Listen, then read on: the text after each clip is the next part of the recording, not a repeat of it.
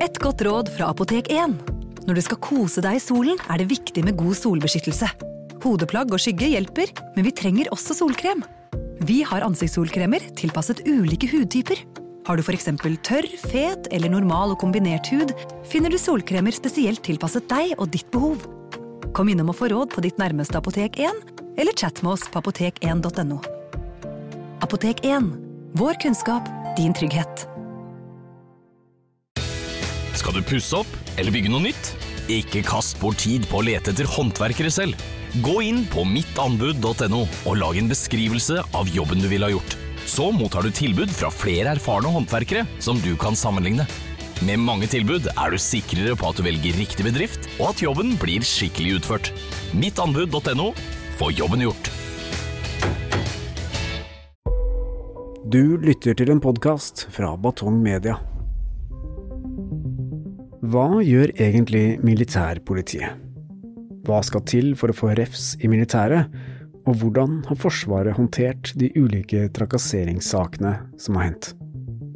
Reidar Brusgaard har bred erfaring fra politi og påtalemyndighet, annet som assisterende økokrimsjef og førstestatsadvokat hos Riksadvokaten. Nå er han i vårt studio som generaladvokat for Forsvaret, og skal hjelpe oss å finne svar på nettopp disse spørsmålene.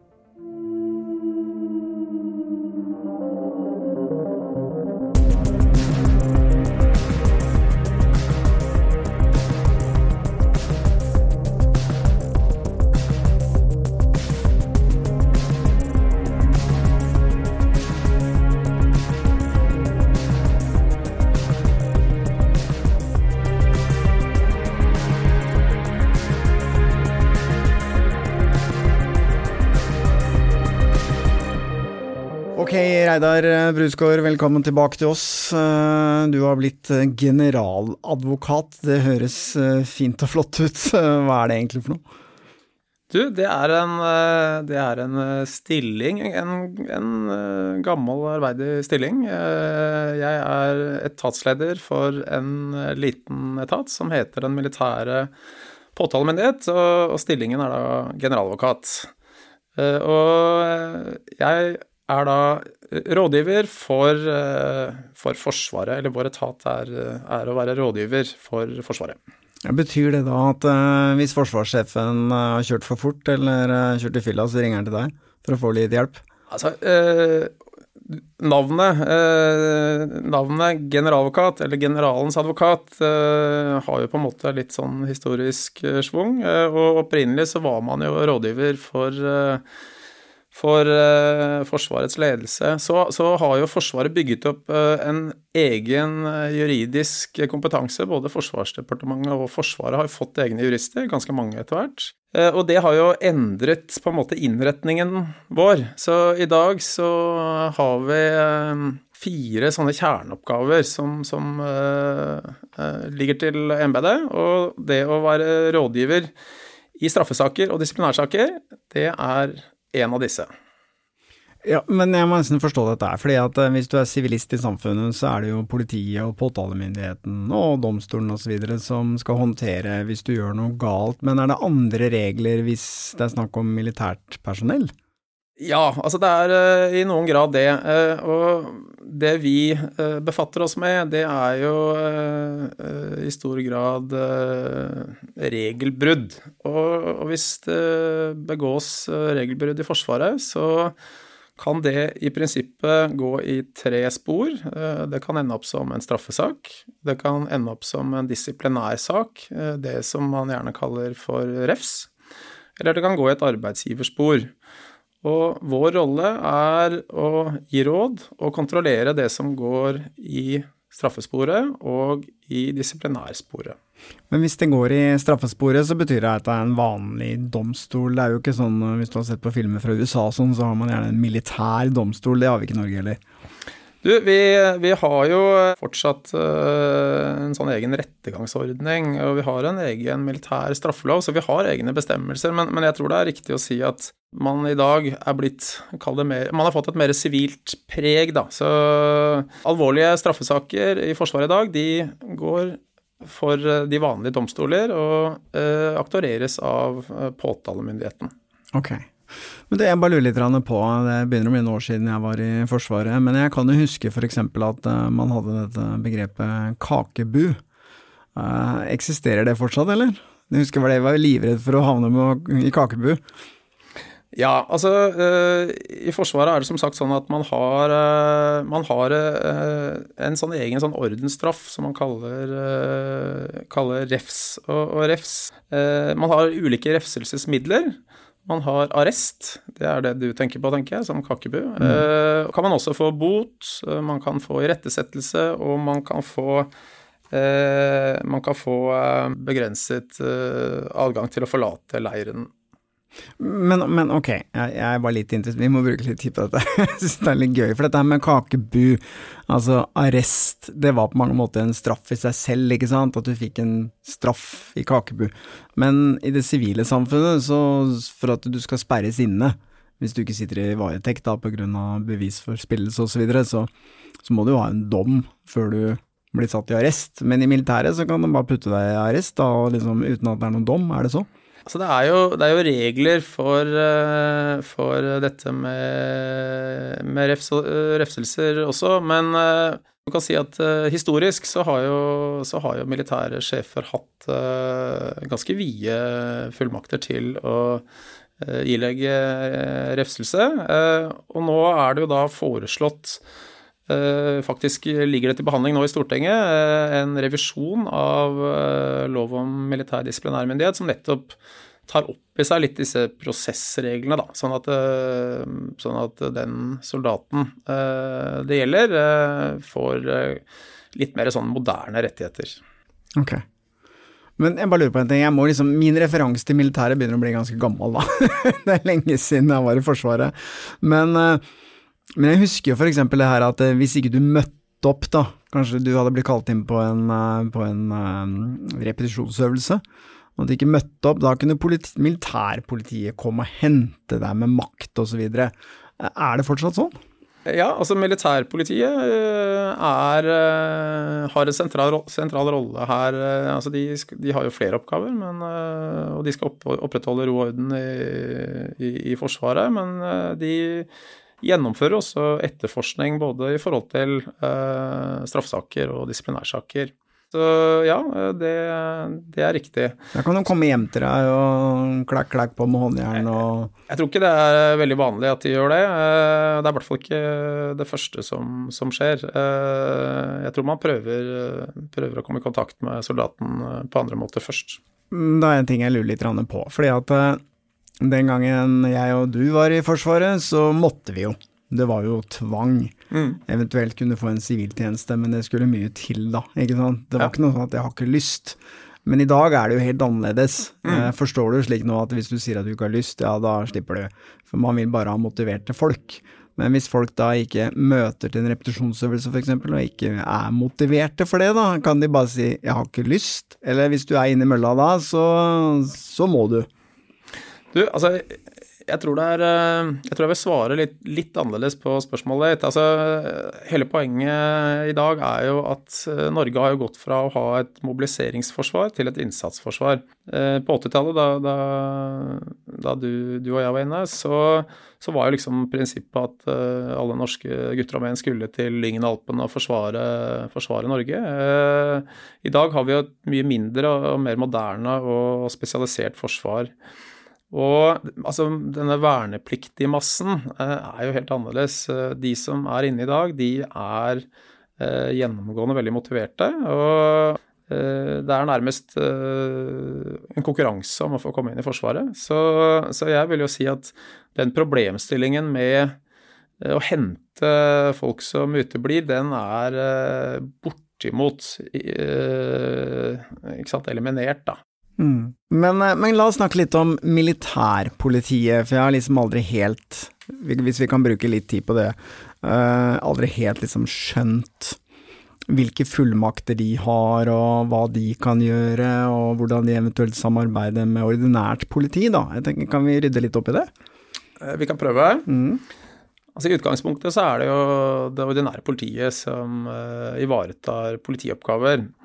Så er det også sånn at uh, på noen områder så har samfunnet sett seg tjent med at uh, også andre får uh, politimyndighet, som da gjerne er saklig og stedlig avgrenset.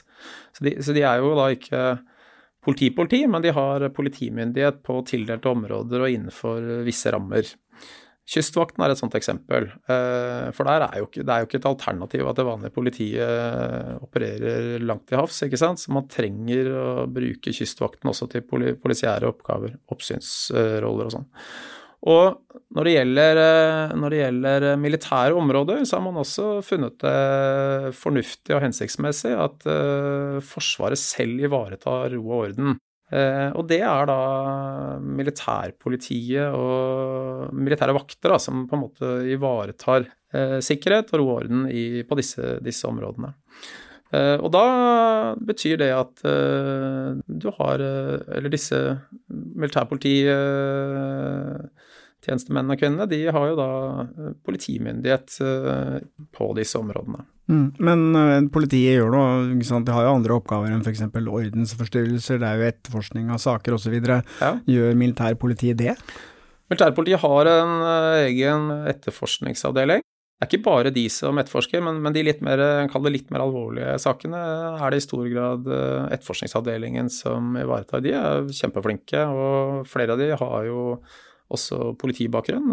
Så jeg vil si at det er en veldig viktig ressurs eh, for, eh, for eh, ja, egentlig for, for samfunnet. For man må huske på at mange av de store militære kontingentene ligger jo langt inne på vidda og sånn, ikke sant. Det er ikke tilgjengelig sivilt politi. Og da er det veldig viktig at Forsvaret kan gjøre ganske mye, særlig i initialfasen selv, da. Mm. Men så har du jo du har liksom militærleire. Og ja. du har jo da vernepliktige som passer på disse militære installasjonene, da. Ja. Og jeg kan jo huske, hvis jeg ikke husker helt feil fra min tid, da jeg sto vakt, så var liksom vi fikk liksom beskjed om at hvis noen uh, brøt seg inn, for eksempel sånn, eller uh, så skulle man liksom rope en advarsel, og så skulle man skyte et varselskudd, og så kunne du pepre løs. Uh, jeg husker at det var litt sånn ok. er det sånn i dag? Har man anledning til å skyte noen hvis man bryter seg inn på en militær installasjon? Altså, hvis vaktsoldatene, da, eh, som du, som du, snakker om her, eh, oppdager noe, så, så, skal de absolutt ikke begynne med å skyte. Eh, vi har jo en maktpyramide, og den kjenner jo politiet godt til. Og man begynner på laveste terskel, og man skal ikke bruke mer makt enn det som er nødvendig. Og, og det å skyte, det kommer Da skal du ha særdeles gode grunner.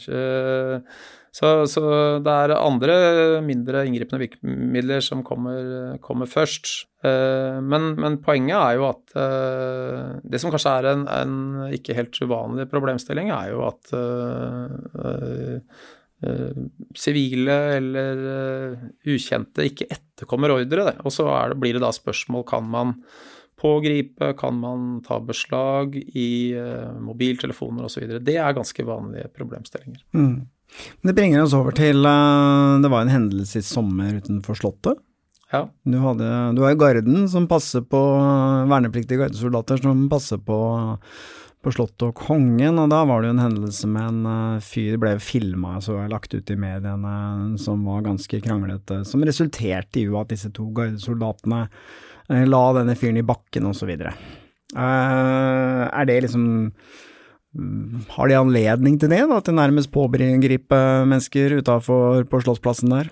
Så det, det, blir jo alltid en konkret vurdering. Det, det som er litt spesielt med, med, Slottet, da, det er jo at jeg prøvde faktisk i en helt annen uh, sammenheng å, bringe på det rene hvilken status Slottet har. Er det et militært område eller ikke? Uh, fordi du, du, har jo soldater ikke sant, som passer Slottet, men, men er selve Slottet og slottsområdet et militært område?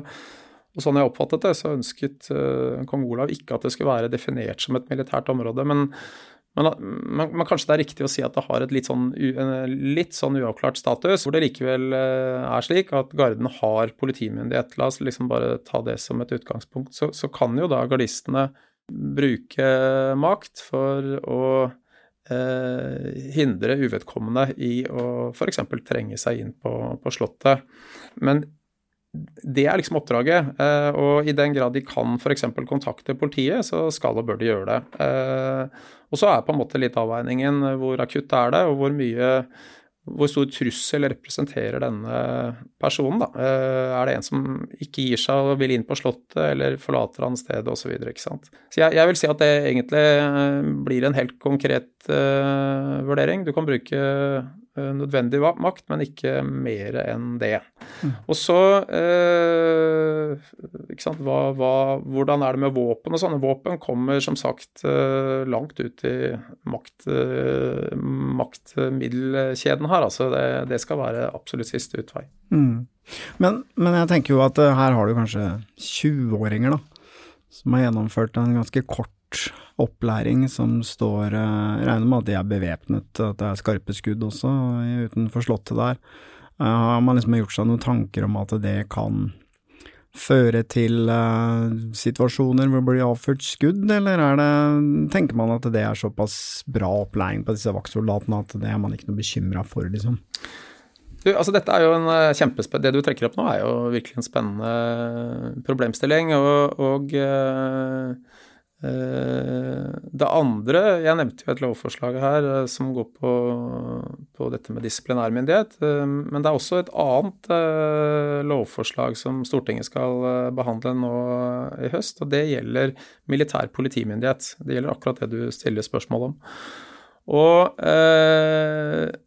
det er jo et poeng at eh, politi, eh, altså holdt jeg på å si vanlige politiutdannede, eh, gjerne er litt eldre, de har litt mer utdanning, har et litt annet samfunnsoppdrag, et litt mer generelt samfunnsoppdrag enn militære vakter, som har kortere utdanning, ofte er litt yngre og har et mer avgrenset oppdrag. Så, jeg tenker jo at selv om ganske mye er likt, selv om det er snakk om våpen, og selv om det er snakk om uh, på en måte å ivareta situasjoner, så er, så er uh, oppdraget til militære vakter det er litt annerledes. De skal først og fremst uh, ivareta ro og orden i leir, og beskytte i og for seg leir, og de skal ikke gjøre mer. Og vi skal ikke, vi skal ikke sette unge soldater i krevende situasjoner som de ikke er trenet til å, til å håndtere.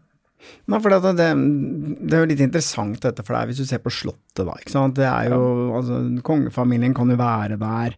Uh, du har disse gardistene som står utenfor og passer på. Hva er spørsmålet? Er det liksom bare for at det skal se bra ut, eller eller har de liksom myndighet til å, å faktisk uh, gripe kraftig inn hvis det skulle skje en uh, vanskelig situasjon, og politiet bruker tid på å komme dit, da? Det er jo begge deler. Altså, de har jo både en uh, symbolsk rolle, men de har også en faktisk rolle. De skal ivareta sikkerheten og roorden på, på, Slottet, og i umiddelbar nærhet av Slottet. men så er det som sagt at vi vi, eh, vi, ønsker ikke at eh, Vi ønsker jo ikke at de skal uh, gjøre mer enn det. Vi ønsker at de, de, skal gjøre sitt primæroppdrag, og så skal de så langt som mulig tilkalle politi, det ordinære politiet, som så skal håndtere situasjonen. Så vil det jo kunne være vanskelige avveininger. Hvor langt skal de kunne gå da, i en sånn, kort mellomliggende fase før politiet kommer.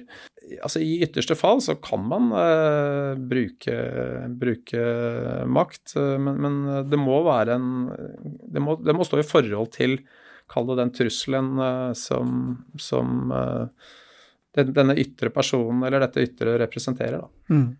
Men hva er sånn typisk saker som kommer inn på bordet ditt? Ja, altså vi, vi har jo uh, altså de flere, det, det, jeg bruker mest tid på, det er uh, å, å, gi råd til militære sjefer om bruk av refselsesmidler. Fordi, for det er jo sånn at Norge er forpliktet til å ha et disiplinærinstitutt. Altså vi skal ha kontroll på soldatene våre. Eh, og da, eh, da, tenker vi at eh, for å, for å kunne ha det, og, og så, så, må jo noen da ha kommando, ha mulighet til å bestemme. Og disse, disse, må også da ha noe i virkemiddelkassen, eller noe i verktøykassen sin, og det er da disse er bl.a. denne adgangen til å gi refs. Og disse militære sjefene, som da har kommandomyndighet, de, eh, de, eh, spør ofte om råd. ikke sant? Jo, nå har dette skjedd. Eh, hva gjør jeg? ikke sant? Er det grunnlag for å gi bot her? Hvordan vurderer vi dette? Er bevisene tilstrekkelig? De, de stiller da ikke sant? De stiller mange gode spørsmål, og så gir vi råd. Mm.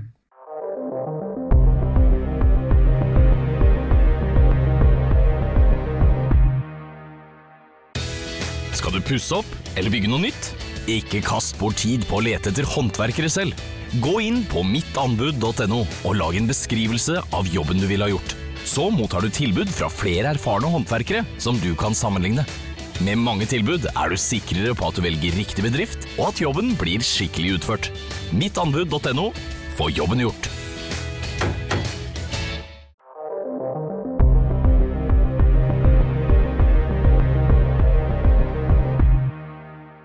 Men, øh, men øh, hvis vi ser litt på øh, f.eks. dette her med at det kommer soldater fra andre land, da. Vi har jo militærøvelser hvor det rykker inn amerikanere og, og så videre. Hvordan må de forholde seg til norsk lov, eller uh, norsk militærlov, eller hvordan fungerer det egentlig? Ja, du kan si, Dette er jo, dette er jo egentlig ganske interessant spørsmål. Altså, vi, vi, uh, vi, har i dag noe vi kaller Nato-SOFA, som er en sånn som er en avtale mellom Nato-landene, og som handler litt om ansvar og ansvarsfordeling mellom det vi kaller senderstat og mottakerstat. Og Norge er jo ofte mottakerstat av allierte styrker. Det kommer andre, styrker fra andre land som trener i Norge. Og Det som er litt kanskje spesielt med Norge, er jo at i Norge så trener jo soldatene ganske tett opp mot sivilsamfunnet. Altså, det er ofte selvfølgelig i grisgrendte strøk på Østlandet og i Nord-Norge, men men, men, men, det er likevel det er ikke sånn som i andre land at liksom man trener bare på tildelte områder. Man trener egentlig der hvor det også er eh, et sivilsamfunn. Og da vil det jo selvfølgelig kunne oppstå eh, hendelser. Det kan, være, det kan være at man ødelegger noe, eller blir en kollisjon, eller det kan være Det kan oppstå hendelser lørdag kveld på, på byen. Da gjelder jo dette Nato-sofa-regelverket. Det, det, gir noen sånne overordnede rammer. Det som, det som eh, kanskje si, vi har reflektert litt rundt, er jo at eh, Norge og USA inngikk jo en tilleggsavtale her for eh, jeg tror det var i fjor. Som jeg tror var veldig viktig for Norge. altså Det var, var sikkerhetspolitisk viktig og åpenbart helt nødvendig. Sånn med, med, med straffesaksblikket, da, så, så, er det i hvert fall en liten utfordring at eh, den, den, avtalen sier at hvis en amerikansk soldat er i tjeneste, eh, så har i utgangspunktet eh, USA førsterett til å håndtere situasjonen. Det betyr at eh, hvis det gjøres noe straffbart, og amerikanerne eh, vurderer at vedkommende var i tjenesten, og det vil de ofte gjøre, de vil ofte uh, si at soldatene som er i Norge og trener, de er i tjeneste fra de kom til de dro.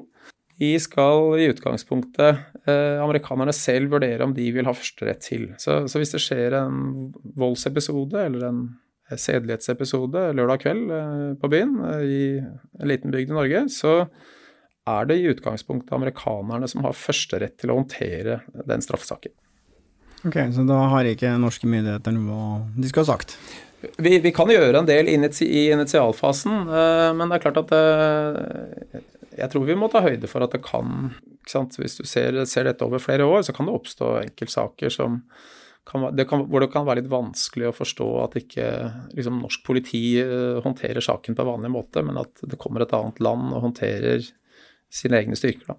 Det, det, det, tror jeg. Kan man liksom stole på at eh, vedkommende får en uh, ordentlig straff, når man liksom ikke har noe påvirkningskraft i det hele tatt? Altså, jeg, jeg, tror eh, jeg, jeg, føler meg ganske sikker på at uh, altså våre allierte er jo, er jo, ikke interessert i er jo ikke interessert i at uh, straffbare forhold begått av deres soldater at det liksom At det ikke gir noe At det ikke får noen konsekvenser. Eh, jeg, jeg tror at det jeg tror, jeg tror, liksom grunnleggende at man ønsker, man ønsker at uh, det kommer en reaksjon. Problemet er vel mer kanskje litt praktisk, la oss tenke oss at det er en voldtekt i, i en liten bygd i Norge. ikke sant? En norsk 15-åring blir voldtatt av en amerikansk soldat. Så, så er det jo ikke sikkert at det er så lett å gjennomføre en rettssak i Florida. Eh, altså rent praktisk. ikke sant? Og hvordan, eh, hvordan, gjør man det med varetekt hvis denne amerikanske soldaten da hentes og plasseres på, på et amerikansk krigsskip, ikke sant, og oppholder seg der fram til saken skal opp. Hvordan er det med vitner, hvordan skal man liksom gjennomføre dette, hvordan, hvordan vil befolkningen i denne lille norske bygden oppleve det? det? Der tror jeg det kan ligge en del sånne praktiske utfordringer som gjør at dette Eh, kan bli litt krevende. Og, og, og det, er, eh, det, er, laget? Det er laget et rammeverk her som gjør at man prøver så godt man kan å få dette til å gå. Men, men, men prinsipielt så er det litt rart, så tror jeg folk som har holdt på med strafferett i Norge, vil nok tenke at det er litt rart at et annet land skal håndtere noe som har skjedd i Norge. Mm. Men uh, det jeg også lurer litt på, er jo for eksempel Jeg fulgte jo litt med på denne Helge Ingstad-saken. Ja. Hvor Ja, nå må de hjelpe meg litt, men det var vel han som var ansvarlig på broa, som, som da ender opp i en norsk domstol etter at dette krigsskipet kolliderer med oljetanker og synker. Ja. er det slik at Jeg, jeg syns liksom det er litt rart hvis du gjør en feil i jobben din, så skal du risikere å havne i, i fengsel. Hva, hva, er liksom bakgrunnen for at man tiltaler denne personen? Uh, altså jeg, jeg, jeg, tror ikke jeg skal gå inn i, inn i den konkrete saken, det blir, eh, det blir veldig feil. Men, uh, men sånn på generelt grunnlag, da. Uh, men, men, men altså, tanken i dag er jo at Eh, grove feil, eh, alvorlige feil, sånn typisk sånn eh, typisk sånn forsettlig feil, eller det du gjør med viten og vilje, det, det vil ofte gå i straffesporet. Og så er det i dag sånn at uh, de mellomalvorlige sakene, de uh, går i dette refselsessporet. Det er, uh, det er liksom tommefingerregelen. Og så er det noen ting som vi tenker egentlig handler kanskje mer om dårlig ledelse og sånne ting, det går i arbeidsgiversporet. Det er liksom det er de tre måtene man kan reagere på. Og så kan man gjerne diskutere om Helge Engstad burde gått sånn eller slik, men, men, men det er i hvert fall det er i hvert fall akkurat det der som vi kaller sporvalg her, det er en sentral del av vår jobb da, som mm. generaladvokat og krigsadvokat. Men la oss bevege oss over fra store krigsskip til, eh, til eh, mindre, men kanskje like alvorlige forhold. Altså, det har jo kommet opp en sånn, mye med sånn metoo-saker ja. i Forsvaret de siste årene. Ja. Og uh, ligger det på bordet ditt, eller? Ja, vi får en del av de sakene. Altså, øh, når sånne hendelser oppstår, så er det, er det ganske viktig å finne ut øh, hva dette er. Er dette en varslingssak? Er det en arbeidsgiversak? Bør det, bør det, er, det noe som kan refses, eller, eller, er det så alvorlig at det bør gå i, til det vanlige politiet? Det, det er en veldig viktig, viktig, avklaring, hvor vi blir rådført tidlig. Eh, og disse, ikke sant, denne kategorien eh, eh, av, av, hendelser, de, den har jo hatt mye oppmerksomhet nå de siste par-tre årene. Og vi har hatt noen sånne saker hvor vi har rådgitt Forsvaret, ja. Ja, det var vel en annen sersjant, var det ikke det, som likte å filme kvinner i dusjen? Jeg mener jeg husker det var noe sånt, fikk mye oppmerksomhet? Altså det har vært både, det har vært både filming, det har vært ja, frivillige hendelser, mindre frivillige hendelser. Så, det, så vi har egentlig eh, De fleste kategoriene, eller typetilfellene, har vi vel vært innom. Eh, det, som, det, som, jeg kanskje tenker er, er viktig å, når man sitter som forelder da, og har en gutt eller jente i, i Forsvaret, så, så jeg vil i hvert fall Jeg tror det er viktig at man sondrer litt mellom eh, de tilfellene hvor det er snakk om en eh, Eh, ikke sant?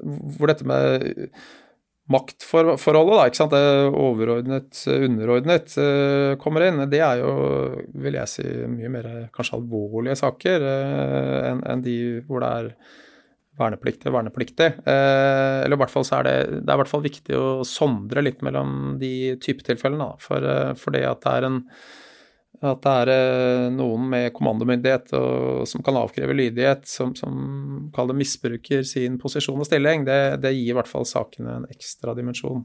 Mm. Eh, mener jeg, da. Så er det jo mitt inntrykk at eh, ledelsen i Forsvaret har tatt eh, disse Jeg vil jo si de har tatt det på alvor. De har virkelig Det har, vært kre, en krevende periode for uh, for Forsvaret. Så, så, jeg vil jo si at man uh, har uh, prøvd, å, prøvd, å, virkelig gripe fatt i dette. Uh, jeg, tenker at, jeg tenker på en måte det det som dette på en måte i noen grad liksom viser, det er at det, sant, Forsvaret er truffet av en sånn ja, Vi har kalt det rettsliggjøring. Altså, det som har truffet Forsvaret, har jo liksom, mener jeg, truffet andre etater for noen år siden. Forsvaret har liksom vært litt, litt forskånet fra innsyn fra omverdenen. Man er ikke, er ikke, vant til at advokater skriver brev, og at man ber om innsyn i vedtak, og at man vil uh, vite hvorfor uh, noen har dekorert og vil man, man, har på en måte fått lov å uh, gå litt under radaren, da, fordi man har på en måte Eh, sagt at Forsvaret er så spesielt. Men så har liksom så mener jeg at eh, Forsvaret er liksom truffet ganske hardt av denne rettsliggjøringen i de siste par årene, og to-tre årene kanskje. Og at uh, man kanskje har famlet litt, da. Men at man, uh, man uh, Jeg tror Forsvaret kommer til å finne ut av dette, og at uh, de prosessene man har startet, vil gjøre at man kommer, uh, kommer bedre ut av dette. Men at det har, en, det, har vært en, krevende situasjon, og dette må man ta på alvor. Mm. Jeg vil litt tilbake til Du har kanskje ikke lyst til å snakke så veldig mye om det, men jeg vil litt tilbake til denne sersjanten som filmet, for jeg husker at det blei veldig mye støy av det. Det gikk helt opp til forsvarssjefen. Uh, fordi han beholdt jo jobben sin, da, hvis jeg ikke husker helt feil. Og hva tenker du om at når man liksom blir tatt for å ha filma kvinnelige kollegaer i filmen i dusjen, unnskyld, x antall ganger, og så får du fortsatt lov å stå i jobben din? Jeg syns jo det er litt sånn rart. Altså mitt, mitt og vårt anleggende, da. Er, altså jeg, jeg, jeg, snakker jo om disse tre sporene, ikke sant. Altså en mm. sak som, som dette kan jo da bli håndtert i et straffespor i et disiplinærspor og i et arbeidsgiverspor. Og så er det sånn at eh, man kan nok ikke både straffes og refses, men, men arbeidsgiversporet er, litt, går litt uh, for seg selv. Så man kan godt f.eks. både straffes og få en arbeidsgiverreaksjon. Uh, og jeg tenker jo Og så har vi vært med En viktig del av min jobb er jo da å gi råd til eh, militære sjefer om hvilket spor dette hører hjemme i. Eh, og hvis man eh, filmer, og spesielt hvis man deler, så vil jo det fort være noe som hører hjemme i et straffespor. Mindre alvorlige hendelser kan refses, men, men, de litt mer alvorlige filmingene og delingene er, tenker jeg fort er et straffespor. Og det gir vi råd til Forsvaret om. Når det gjelder hvilke konsekvenser det skal få, altså hvilke arbeidsrettslige konsekvenser det skal få, så er det noe som Forsvaret håndterer utenom oss. Så om vedkommende skal miste jobben eller miste, miste stilling som Altså ikke ha eh, lederoppgaver i Forsvaret, den type spørsmål, det, det har ikke jeg noe med å gjøre. Nei, så du skal egentlig bare gi råd, du, så er det på mange måter de militære sjefene Militære som bestemmer. sjefer bestemmer selv. Eh, de lytter jo selvfølgelig til rådene mm. våre stort sett alltid. Eh, men, men, det er særlig da straff og disiplinær som er vår greie, og så er eh, arbeidsforhold Forsvarets eget anliggende. Mm. Uh, Reidar, Takk for at du kom til oss. Litt skuffa selvfølgelig at du ikke kommer i strøkne uniform med gulltresser og nyklipt og nybarbert, men, eh, men ok, moro og interessant var det. Så uh, igjen, hjertelig tusen takk, og så uh, lykke til i jobben som generaladvokat. Avhørt er produsert av Batong Media. Redaksjonen vår består av Stein Morten Lier, Helge Molvær, Marius Søvik Bergersen og meg selv, produsent Lars Christian Nygårdstrand. Denne episoden er klippet av Erik Lie Johannessen. Temamusikken vår er laget av Altered States, og du finner Avhørt på Facebook og Instagram. Hvis du vil høre eksklusive episoder av Avhørt, gå inn på podmy.no, eller last ned Podmy-appen. Ansvarlig redaktør i Batong Media er Stein Morten Lier. Hvis du setter pris på Avhørt og syns at den jobben vi gjør er viktig, så kan du støtte oss ved å vippse til 80 75 99, eller søke opp Batong Media i vips appen Og vi setter stor pris på alle bidrag, store og små. Kiwi er billigst i VGs matbørs og har vært billigst i fire av de fem siste VGs matbørser. Og nå presser vi prisen på påskevarer fram til 1. april. På 591 gram Toro vaffelmiks presser vi prisen fra 35,90 helt ned til 26,90. På 410 gram Lerum jordbærsyltetøy presser vi prisen fra 29,40 helt ned til 22,90. For det er vi som er prispresserne. Og vi i Kiwi gir oss aldri på pris.